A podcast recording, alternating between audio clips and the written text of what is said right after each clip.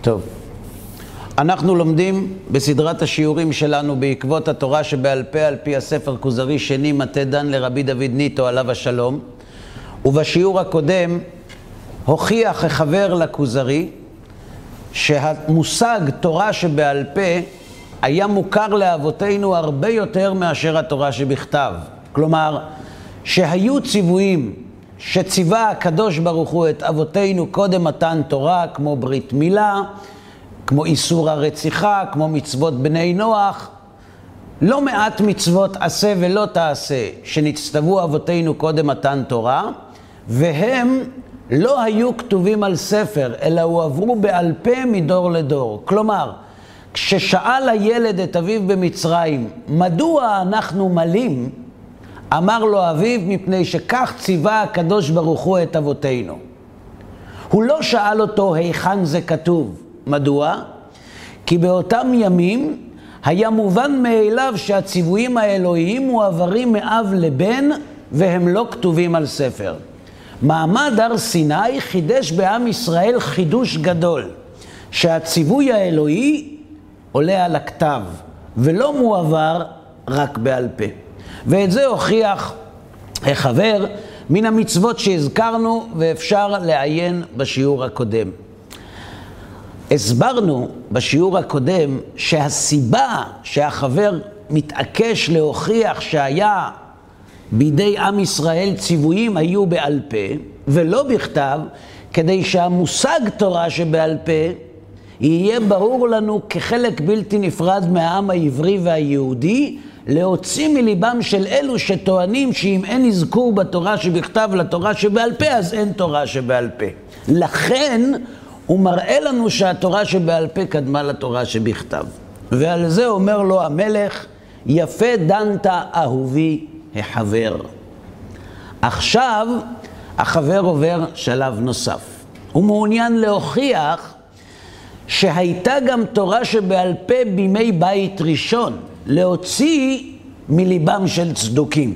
שהרי הצדוקים טוענים שהתורה שבעל פה התחילה בבית שני, ושחכמי ישראל נטלו לעצמם כתר שאף אחד לא הכתיר אותם בו. לכן החבר רוצה להוכיח שכבר בימי הנביאים, בימי בית ראשון, הייתה תורה והיא הייתה בעל פה. כלומר, הביאור לתורה שבכתב הוא עבר בעל פה.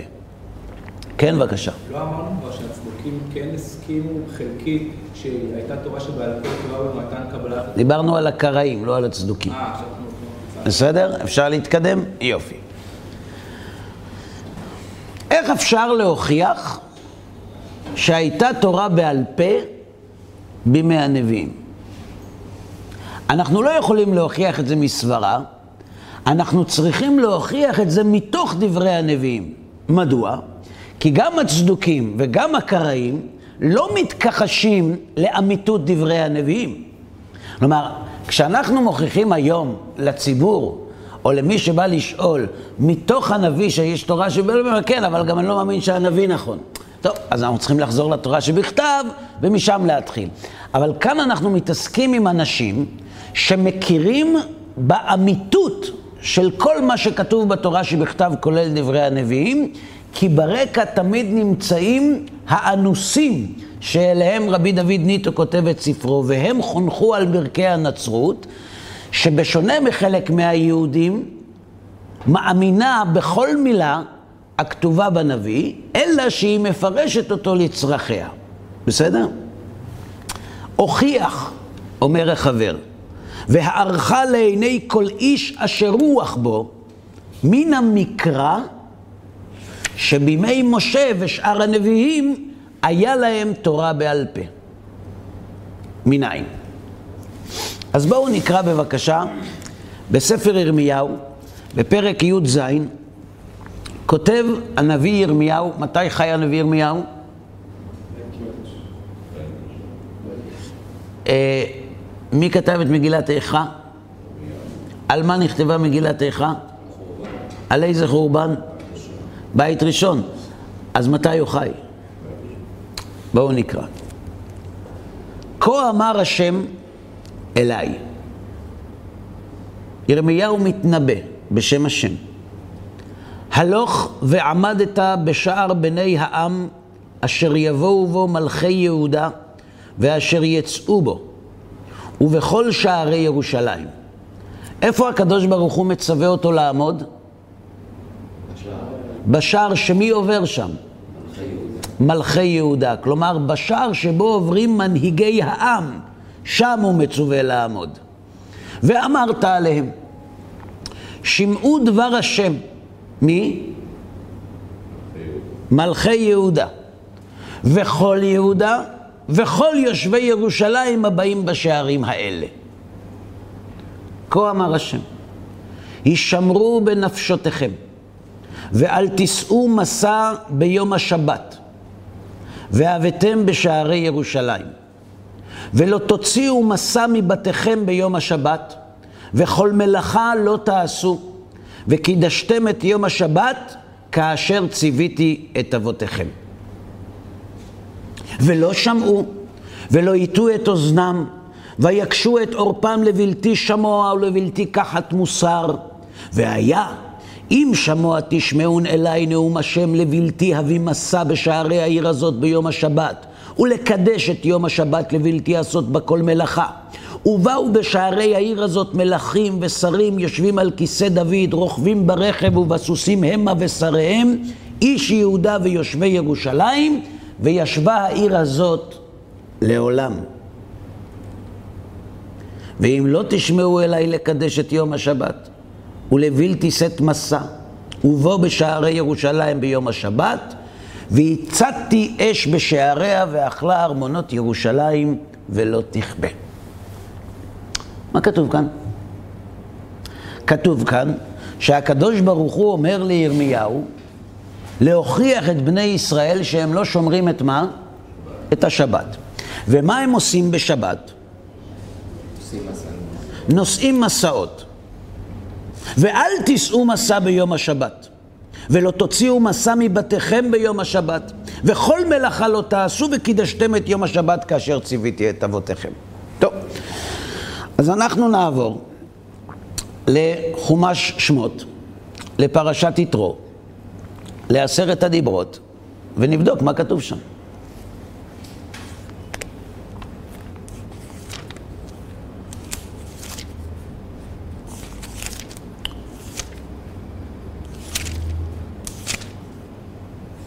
זכור את יום השבת לקדשו. כלומר, אם הנביא אומר, וקידשתם את יום השבת כאשר ציוויתי את אבותיכם, זה מסתדר לגמרי עם מה שכתוב, שמור או זכור את יום השבת לקדשו. ששת ימים תעבוד ועשית כל מלאכתך, ויום השביעי שבת להשם אלוהיך לא תעשה כל מלאכה. אתה ובנך וביתך, עבדך ואמתך ובהמתך וגרך אשר בשעריך, זה גם מסתדר, וכל מלאכה לא תעשו, בדיוק כמו שכתוב בעשרת הדיברות. כי ששת ימים עשה השם את השמיים ואת הארץ, ואת הים, את הים ואת כל אשר בם וינח ביום השביעי, על כן ברך השם את יום השבת ויקדשהו. נפלא ביותר. אנחנו רואים בציווי על השבת שיש מצווה לקדש את השבת ולא לעשות בו מלאכה. נחזור חזרה לספר ירמיהו. שמעו דבר השם מלכי יהודה וכל יהודה וכל יושבי ירושלים הבאים בשערים האלה. כה אמר השם, הישמרו בנפשותיכם ואל תישאו מסע ביום השבת והבאתם בשערי ירושלים. ולא תוציאו מסע מבתיכם ביום השבת, וכל מלאכה לא תעשו, וקידשתם את יום השבת כאשר ציוויתי את אבותיכם. אם ירמיהו היה אומר לנו את התוכחה הזאת, היינו אומרים לו, תקשיב, אנחנו שומעים את מה שאתה אומר, אנחנו בעניין קידוש השבת מסכימים איתך, בעניין איסור עשיית מלאכה גם מסכימים איתך, אבל החידוש הזה שאתה מחדש לנו עכשיו, שהקדוש ברוך הוא ציווה את אבותינו לא לשאת מסע ביום השבת, לא מופיע באף מקום בתורה. על מה אתה מדבר? אולי לכן הוא הוסיף את זה בכל זאת. מה? אולי לכן הוא הוסיף את זה גם, כי אם, כי אם אה, זה אם לסחוב את המלאכה בשבת היה כלול בלא תעשה כל מלאכה, היה אומר להם, אל תעשו כל מלאכה כפי שציווה השם את אבותיכם, והם היו מפסיקים לעשות הכל. אבל בגלל אולי שזה לא נאמר, אז הוא היה צריך להוסיף להם, אבל איך הוא יכול להמציא דברים חדשים? הוא לא המציא, מה שהשם אמר לו. מאיפה אתה יודע? עכשיו השם אמר לו? אם עכשיו השם אמר לו, זה לא כאשר ציוויתי את אבותיכם, זה כאשר אנוכי מצווה אתכם היום. אבל הוא אומר לו תביאו מסע את שער. המלאכה זה כאשר ציוויתי את אבותיכם, אבל את המסע זה עכשיו. אז למה הוא מכניס את זה ביחד? אם שמוע תשמעו אליי נאום השם לבלתי יביא מסע בשערי העיר הזאת ביום שבת קודש. ואז יהיה טוב, ואם לא, אז יהיה רע. מה זה מסע בשערי העיר? לא יודע. אני יודע רק דבר אחד, שכל הסיפור הזה של מסעות בשבת לא כתוב באף מקום. כותב החבר, שערי ירמיהו מכריז בשערי ירושלים, כה אמר השם, הישמרו בנפשותיכם ואל תישאו מסע ביום השבת והבאתם בשערי ירושלים, ולא תוציאו מסע מבתיכם ביום השבת, ולא מצינו מצווה זו בכל התורה כולה. אם כך צריך לומר, שנשמרה בעל פה ממות משה רבנו עליו השלום, עד שנכתבה על ידי ירמיהו. אם ירמיהו משחיל מצווה חדשה ומייחס אותה לעת עתיקה, למשה רבינו או לציווי אלוקי, היו צריכים בני ישראל לקום ולהגיד לו, אדוני, עד כאן. מאיפה ירמיהו מביא את הסיפור הזה של מסעות בשבת? זה לא מלאכה רב, לשאת מסע? אני לא יודע. אם זה בכלל מלאכה, אז בשביל מה הוא מפרט את זה? תגיד, לא תעשו מלאכה וזה הכל. אמר הכוזרי, חכו, זה לא נגמר. כי דבריך כן. זה נשמע, נשמע הגיוני מה שאתה אומר, אבל אם מישהו ירצה להתווכח, אפשר. אבל עדיין יש מקום לבעל דין והחוק ולומר שירמיהו לא פירש שיעור המסע. אז מה? מה זה קשור? למה המתעקש יאמר שירמיהו לא פירש שיעור המסע וייפטר מהמסקנה שיש תורה בעל פה? אם כבר אסתמה. לא. תחשבו רגע. כי אז יהיה אסור על הבן אדם אפילו לסחוב את הבגדים שלו. בגדים זה לא מסע. לדעת, כל אחד יגיד אחרת.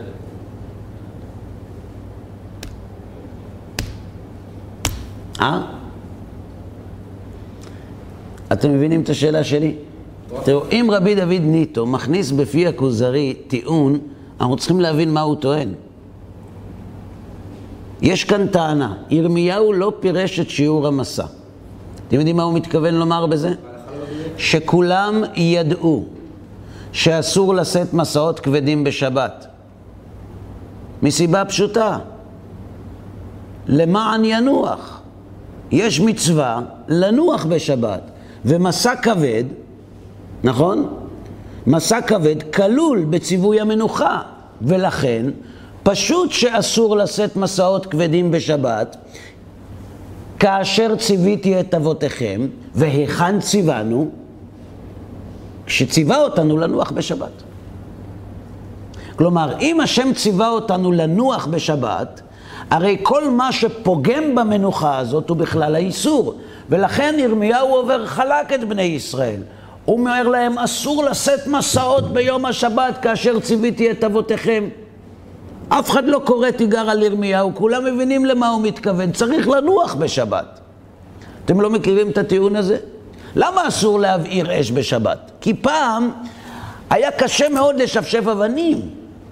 והתורה ציוותה לנוח, לכן אסור לשפשף אבנים בשבת ולהדליק אש, אבל היום אתה מדליק אש עם כפתור, אפילו עם אצבע צרדה אתה יכול להדליק אור בבית. אז למה זה אסור היום? מכירים את הטיעון הזה? כלומר, הטיעון אומר שמסע כבד אסור לשאת בשבת, הוא כלול בציווי המנוחה. ולכן אין שום בעיה לירמיהו לומר אל תישאו מסע ביום השבת, וזה עדיין כאשר ציוויתי את אבותיכם. וזה לא תורה שבעל פה, כי זה מופיע בתורה שבכתב. האם הטיעון ברור? תשובה. אמר החבר, מה פתאום? הוא לא מדבר על מסע כבד, הוא מדבר על מסע קל מאוד. מדוע? שהרי הוא מדבר עם מלכים ושרים, שאין דרכם לישא מסע כבד כסבלים ובעלי מלאכה. הוא מדבר אפילו על מסע קטן, על הוצאה מרשות לרשות. הוא לא מדבר על מסע כבד, כי עם מי הוא מדבר? אל תישאו מסע ביום השבת. זה סוג של מרידה במלכות להגיד למלך שהוא סוחב שקים על הגב. וכיוון שדיבר עם גדולים שאין דרכן לישא אלא מסע קל כגון סודר או מפתח או איגרת, ועשרן, צריך לומר שאף מסע קל נאסר. מהמילים ואף מסע קל נאסר אנחנו למדים מה טוען המכחיש. שרק מסע כבד נאסר וזה כלול בציוויים שמופיעים בתורה שבכתב. ברור? האם הטענה הזאת של החבר טענה מספקת? לא. למה לא? כי בשער של המלכים עוברים עוד אנשים. גם, נכון. ומן הסתם מלך עובר בשער גדול, שגם עוברים בו סוחרים וכל מיני... יאמר המכחיש, אומר הכוזרי, שזוהי השערה בעלמא. זה סתם מה שאתה אומר. ירמיהו דיבר עם המלך לפי שיש בידו מקל ורצועה להלקות העם. ולעולם מסע כבד אסור וקל מותר. מה, בגלל שהוא אומר את זה למלך, אתה חושב שהוא אומר את זה למלך בגלל מה שהוא עושה בעצמו? מלך הוא לא דמות פרטית, מלך הוא מנהיג, מלך יש עליו אחריות לאומה כולה. ולכן הוא מדבר עם המלך בשביל שירדה בעם שלא יישאו מסע, אבל רק מסע כבד ולא מסע קל. למה מזה שהוא אומר את זה למלך אתה מוציא, אתה מוציא שמדובר במסעות קלים? עכשיו, למה המכחיש מתעקש על מסעות כבדים? כי מסעות כבדים, כמו שאמרנו, כלולים בתורה שבכתב, ואין מכאן ראייה. זאת אומרת, החבר רוצה להביא ראייה שהייתה תורה בעל פה בימי הנביאים, והוא משתמש בדברי ירמיהו כדי להראות שהוא מוסיף משהו שלא כתוב בתורה, דהיינו איסור נסיעת מסעות בשבת, ומכאן הוא רוצה להביא ראייה שהייתה תורה בעל פה בימיהם. מה פתאום אומר המכחיש? מה שהוא אמר להם שאסור לעשות בשבת זה לשאת מסעות כבדים, ואיסור נסיעת מסעות כבדים לא קשור להוצאה מרשות לרשות, קשור למנוחת השבת, וזה כן הקדוש ברוך הוא ציווה. עד כאן ברור? אמר החבר, איסור מסע קל כמעט שמפורש בתורה. שהרי דוד המלך עליו השלום אומר, בדבר השם שמיים נעשו. ובכן, כך הייתה הבריאה. ביום הראשון אמר השם יתברך, יהי אור, ויהי אור.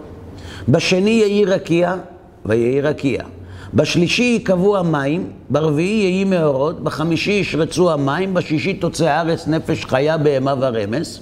וייצר השם אלוהים את האדם, ויפח באפיו נשמת חיים, ויכולו השמיים והארץ וכל צבעם, וכתיב, וישבות ביום השביעי מכל מלאכתו אשר עשה. נמצא שכששבת, מי? הקדוש ברוך הוא לא שבת אלא ממאמר בעלמא, שהוא דבר שאינו יכול לגרום לו לאות ויגיעה משני טעמים. אחד, מפני שבו יתברך הוא בלתי בעל תכלית וכוחו בלתי בעל תכלית ולא ייתכן לאות ויגיעה.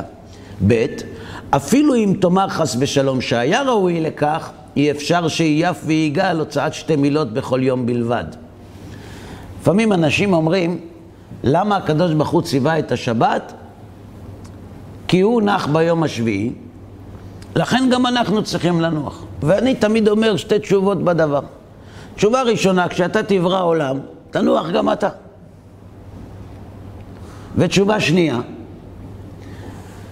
כמה הוא היה עייף שהוא היה צריך לנוח? זאת אומרת, כמו ארבע אחרי צהריים, כמו עשר בלילה, זאת אומרת, כמה הוא היה עייף? עכשיו, אם מישהו היה צריך את הקדוש ברוך הוא כשהוא עייף, מה הוא היה עושה? עכשיו, יש סתירה מן הכתובים שנאמר, הנה לא ינום ולא יישן שומר ישראל, אז בשביל מה הוא נח אם הוא לא נרדם? בעיה גדולה. כשהקדוש ברוך הוא אומר לנו שאנחנו צריכים לשבות ממלאכה ביום השביעי, כי הוא שבת ממלאכה, מאיזו מלאכה הוא שבת? מליצור. ממאמר. עכשיו, כשאנחנו אומרים מאמר, זה לא שהשם דיבר. אנחנו אומרים מאמר כדי להראות שההוצאה מן הכוח אל הפועל של הבריאה הייתה כדיבור, כפעולה החלשה והעדינה ביותר. כדי לשלול מהקדוש ברוך הוא חלילה וחס מאמץ. אז אם הקדוש ברוך הוא ציווה אותנו לא לעשות מלאכות, כיוון שהוא שבת ממלאכתו, האם רק מלאכות קשות אסור לבצע בשבת, או גם מלאכות קלות? כל המלאכות. כל מלאכה, גם מלאכה קלה, גם היא אסורה בשבת. למה? אבל הוא אמר לנו לנוח. תנוח מאותן מלאכות שהוא נח. וכי הקדוש ברוך הוא היה צריך לנוח ממלאכת הדיבור? אלא שהתורה מצווה אותנו לשבות ממלאכה, לעצור מיצירה בשבת. בסדר גמור. היצירה לא קשורה למאמץ פיזי. ולכן מכאן מנסה החבר להביא ראייה שאיסורי המלאכה האסורים בה מופיעים בתורה אינם קשורים לכמות הקלוריות שנשרפות בזמן ביצוע המלאכה. נקרא שוב. נמצא שכששבת לא שבת אלא ממאמר בעלמא, שהוא דבר שאינו יכול לגרום לו לאות ויגיעה. אחד, שהוא יתברך בלתי בעל תכלית ולא שייך בו לא עייפות ולא יגיעה. וב', אפילו תאמר, חס ושלום, שראוי שתהיה בה עייפות, חס ושלום, אפשר שיהיה ויגע על הוצאת שתי מילות בכל יום?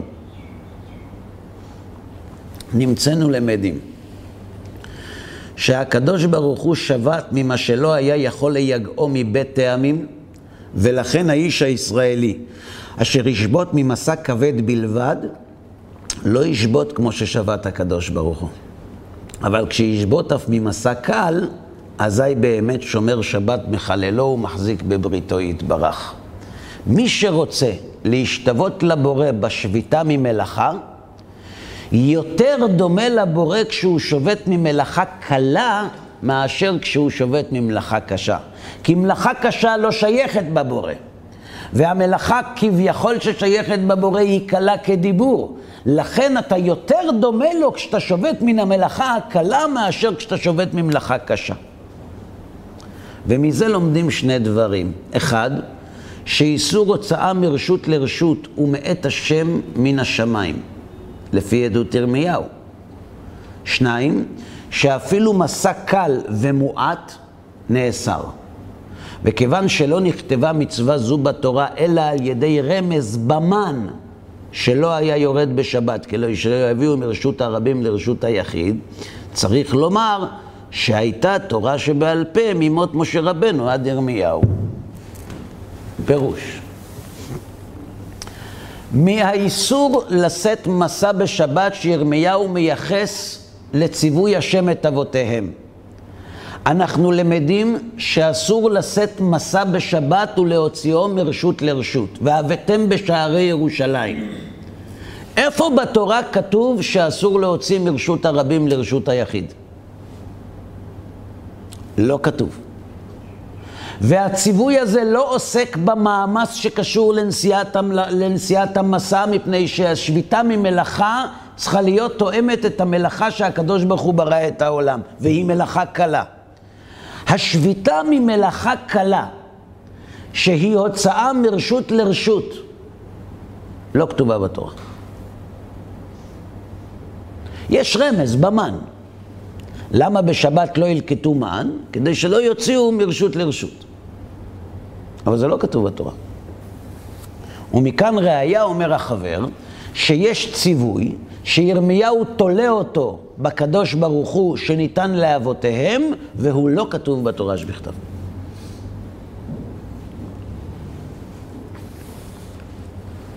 אתם חושבים שהכוזרי נרגע? לא נרגע. ואולי, ודילמה שואל הכוזרי את החבר, לא כיוון ירמיהו לכך. אתה, אתה לא מוציא את זה מרש"י, אתה מכניס את זה לרש"י. כל הפלפולים האלה. זה ההוכחה שלך. אולי ירמיהו בכלל לא התכוון לזה. עונה לו החבר, התורה אסרה מלאכה בשבת בכמה מקומות. עזוב את כל מה שאמרתי. התורה אסרה מלאכות. כל העושה בו מלאכה יומת. פרשת ויקל, לא תעשה כל מלאכה. פרשת יתרו, נכון? פרשת ואתחנן. בכמה מקומות. ובשום מקום מאלה לא פירש לא גדרה של מלאכה ולא מהותה. באף מקום. באף מקום בתורה אין קריטריונים, הגדרות, למלאכה שמי שעושה אותה בשבת חייב מיתה. ואף על פי כן, עינינו ראו ולא זר. כתוב לאמור, שהמקושש נסכל על פי השם. נכון? כתוב בפרשה, כתוב בתורה, שיצאו ומצאו אה, איש מקושש עצים ביום השבת, מביאים אותו לפני משה, משה אומר נשאל את הקדוש ברוך הוא, ואומרים צריך לסקול אותו. על מה? קושש עצים בשבת. האם מקושש עובר על איסור מלאכה מן התורה? אחרי שאלוקים אמר כן, לא, האלוקים אמר מה עונשו. שלא ידע. אם לא היו יודעים שזה אסור, לא היו מביאים אותו למשה. כלומר, ידעו שזה אסור, רק לא ידעו מה, מה יעלה בגורלו. מה זה נקרא לקושש עצים?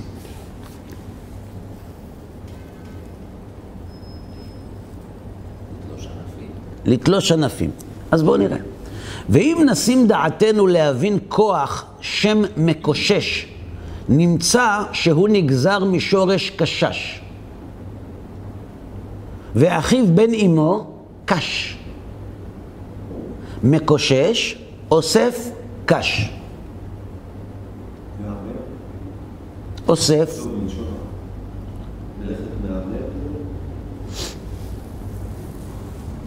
זה אותו שורש? לא. מקושש זה אוסף קש. ולפי פשט המעשה, כינהו הכתוב בשם מקושש, ולא קראו מלקט או כורת עצים, לפי שזה אירע במדבר, שכולו ארץ מלאכה לא תזרע ולא תצמיח, לא אילני מאכל ולא אילני סרק, אלא קוצים ודרדרים שהם מאכל גמלים, והם אמצעים בין האילן והקש. בסדר? מקושש עצים, לא עצים ולא קש, קוצים. ולכן קראם הכתוב בשני השמות יחד, מקושש, עצים.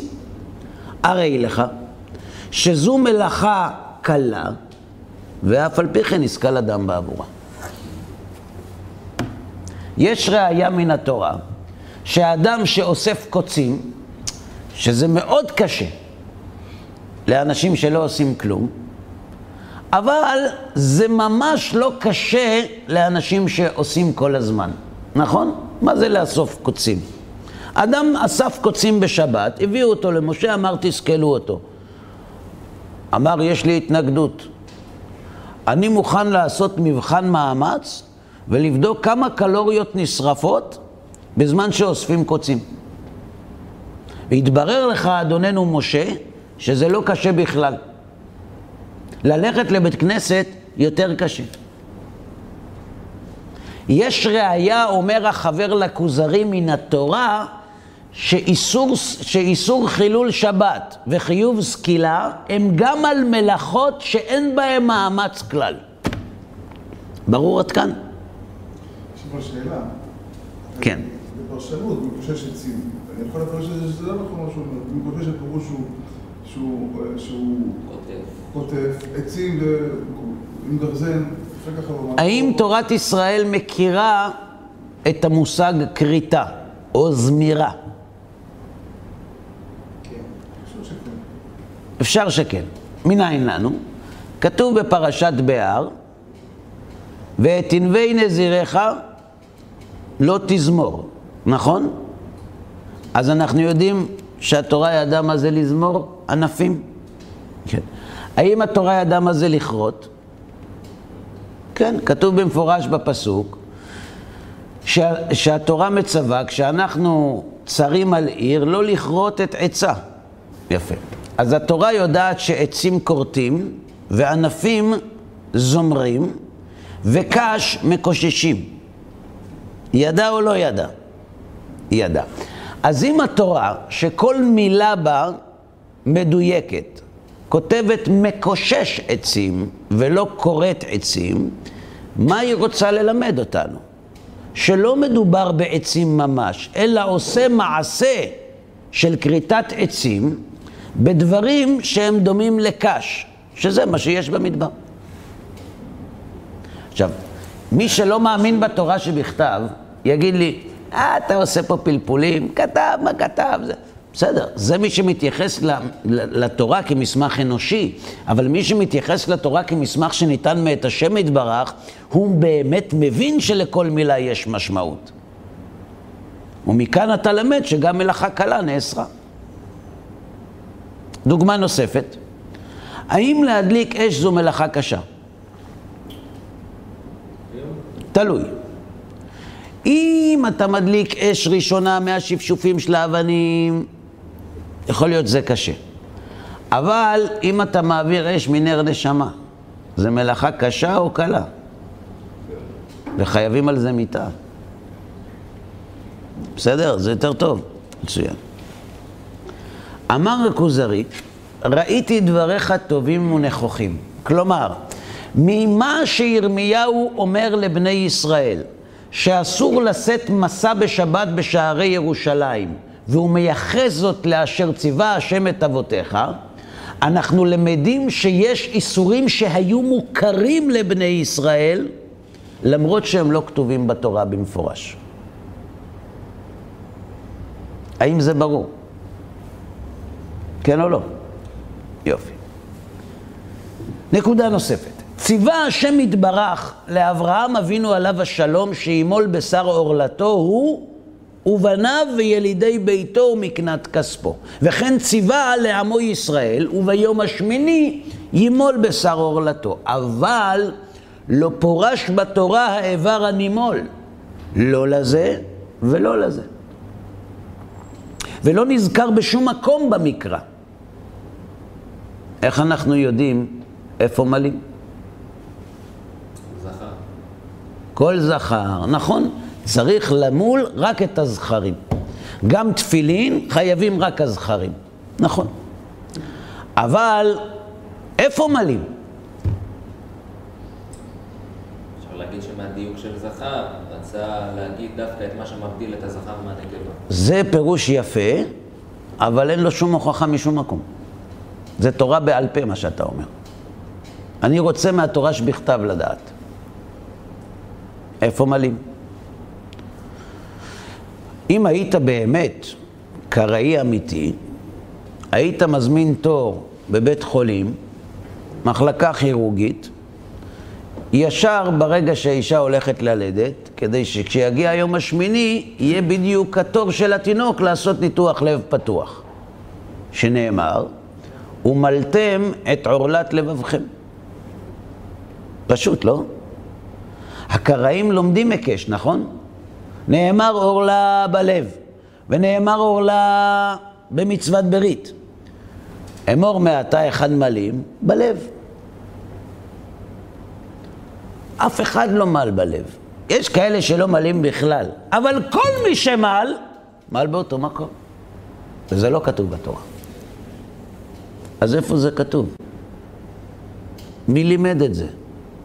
למה אין מחלוקת? וכן, ציוונו להקריב קורבן פסח בי"ד לחודש הראשון וחודש האביב, נכון? וציוונו גם כן על השבתת שאור ועל אכילת מצה שבעה ימים. וציוונו גם כן לענות נפש בעשור לחודש השביעי, מתי זה? יום כיפור. ושלא לעשות בו מלאכה. הרי שלוש מצוות חמורות. מה הם המצוות? קורבן פסח, נכון? השבתת שאור לצום ולא לעשות מלאכה בכיפור, נכון? מצוות פסח, מצוות כיפור, אסור לעשות מלאכה וצריך לצום. מי שעושה מלאכה בכיפור, מה דינו? כרת. מי שאוכל בכיפור, מה דינו? מי שאוכל חמץ בפסח, מה דינו? טוב. אבל אם כל זה לא פורש בתורה, איזהו האיבר הנימול? לא בפסח ולא בכיפורים. שלוש מצוות, ברית, פסח וכיפור, שיש בהם כרת. בברית לא נאמר היכן מלים, ובפסח ובכיפור, מה איתם? אם החודש צריך למנותו כפי מהלך החמה או הלבנה, ולכן אי אפשר לדע אם יש לנו לשמור פסח ומועדי תשרי בניסן, ותשרי דחודשים, או דתקופה, ואין ספק שישראל שמרו כל מועדי השם בימי משה ויהושע והשופטים והנביאים והמלכים. אם כתוב שבני ישראל בימי חזקיהו עשו פסח, מתי? בי"ד לחודש הראשון, איך הם ידעו מתי זה החודש הראשון? איך הם ידעו מתי מקדשים את החודש? שאם הם לא יודעים מתי מקדשים את החודש, אפשר שהם צמים בתשיעי ואוכלים בעשירי. איך אפשר לקיים את החגים בלי תורה שבעל פה? האם סופרים לחמה? סופרים, אצל המוסלמים למשל, הרמדאן יכול לחול בארבע עונות. פעם פה, פעם שם, כי הם הולכים רק... לא, לא השמש. רק לפי הלבנה. אין עיבור חודשים, אין כלום, לפי הלבנה. מה איתנו? איפה אנחנו בסיפור? אנחנו קובעים את החודש. אה? אנחנו קובעים את החודש לפי ה... אנחנו קובעים את החודש, לפי מה? איפה זה כתוב? תורה שבעל פה. אה, תורה שבעל פה, פשוט מאוד. כלומר, אתה לא יכול לקיים כיפור, אתה לא יכול לקיים פסח, אתה לא יכול להימנע מאכילת חמץ, ואתה לא יכול לצום, ואתה לא יכול לעשות ברית מילה, כי אף אחד מהדברים האלה לא מפורש בתורה.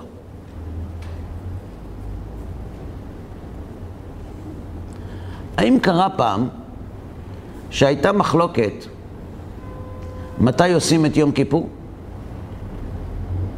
האם פעם אחת קרה שחצי מבני ישראל אכלו מצות היום וחלק מעם ישראל אכלו חמץ היום? בזמן הנביאים. קרה או לא קרה? איך זה יכול להיות? הרי אנחנו אלופים במחלוקות. וכל מה שלא כתוב, אין ספק שתהיה במחלוקת. אין מחלוקת. איך זה יכול להיות? בזמן התנאים היה מחלוקת על יום כיפור. אה? בזמן התנאים היה מחלוקת על יום כיפור. נכון. אבל בסופו של דבר הוא שמר את יום כיפור של הרוב. רבי יהושע בא אצל רבן גמליאל במקלו, בתרמילו, בארנקו, ביום כיפור, שצריכה להיות בחשבונו. נכון? אז אני שואל, אם זה לא כתוב בתורה, מה פתאום הוא כפוף אליו? לפי דעתי זה היום. זהו.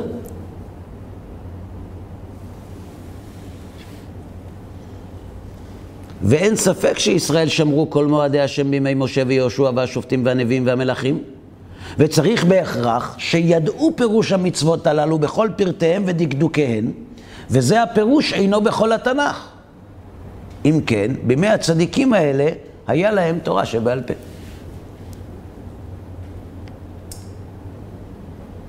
אה? ברוב תקופת הנביאים הם לא שמרו את החגים. מאיפה אתה יודע? מאיפה אתה יודע שלא שמרו את החגים בימי הנביאים? מי סיפר לך את זה? נכון. ומה אליהו הנביא אומר להם? עד מתי אתם פוסחים על שני הסעיפים? אתם חושבים שכשבני ישראל עבדו עבודה זרה הם הפסיקו לבוא לבית המקדש? מה פתאום? הם היו מאלה של גם וגם. אבל כל הרעיון שהיה אלילים זה כדי שלא יגיעו זה נכון, אבל בני ישראל גם עבדו את הקדוש ברוך הוא וגם את הבעל. ולכן ירמי, אליהו אומר להם, עד מתי אתם פוסחים על שני הסעיפים? ברור או לא?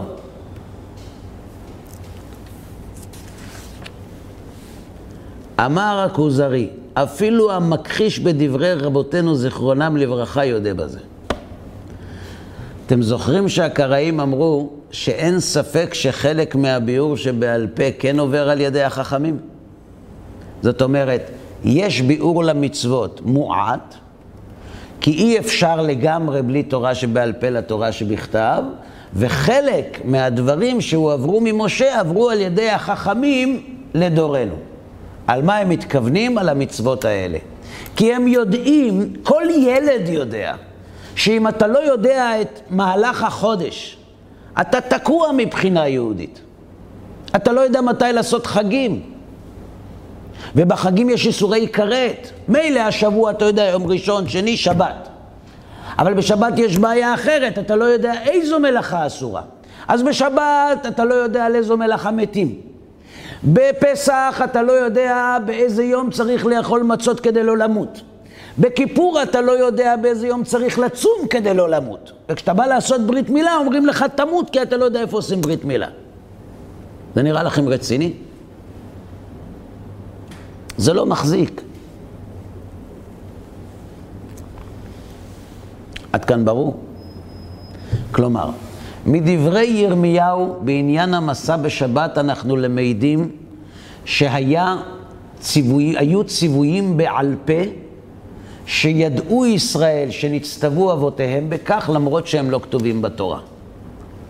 ממצוות שאינן מפורשות בתורה ויש עליהם איסורים קשים ועונשים חמורים, אנחנו למדים שאם בני ישראל שמרו את החגים וכולם עשו ברית מילה באותו זמן ובאותו מקום, ברור שהיה להם מידע שלא הייתה בו מחלוקת היכן מלים ואיך מקדשים את החודש. ברור. אגב, לשיטת רבנו סעדיה עליו השלום, רבנו סעדיה גאון, עם ישראל היה מקדש את החודש בימי הנביאים, על פי חשבון או על פי הראייה?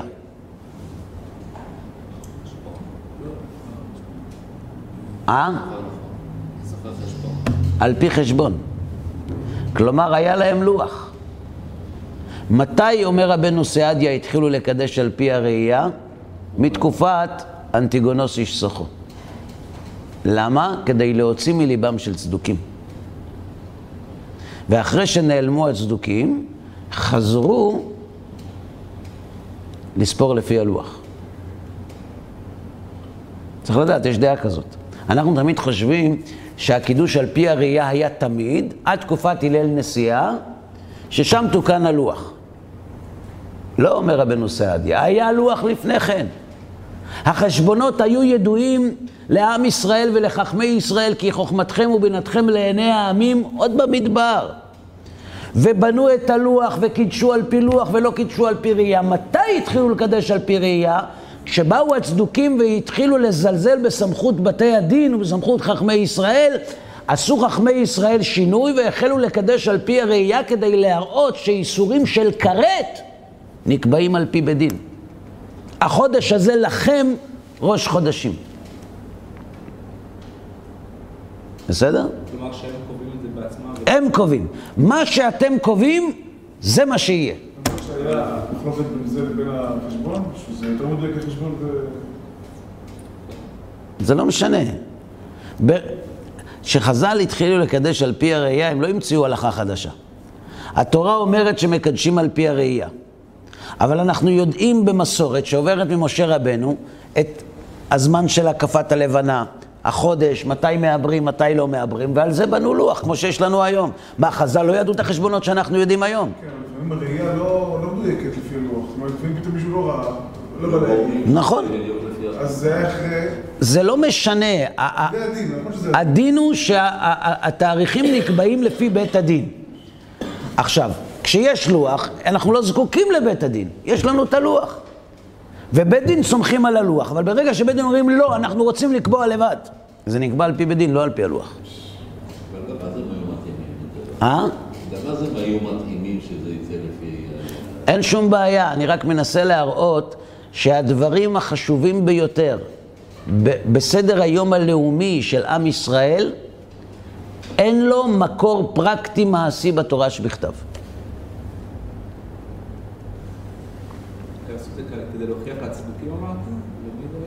כדי להוציא מליבם של צדוקים, כן. אבל כאילו, למה הם שמים, כאילו, למה הם אה, מתחשבים בהם? למה התחשבו בצדוקים? כי לצדוקים הייתה עמדת כוח מאוד גדולה בימי בית שני, הם היו כהנים.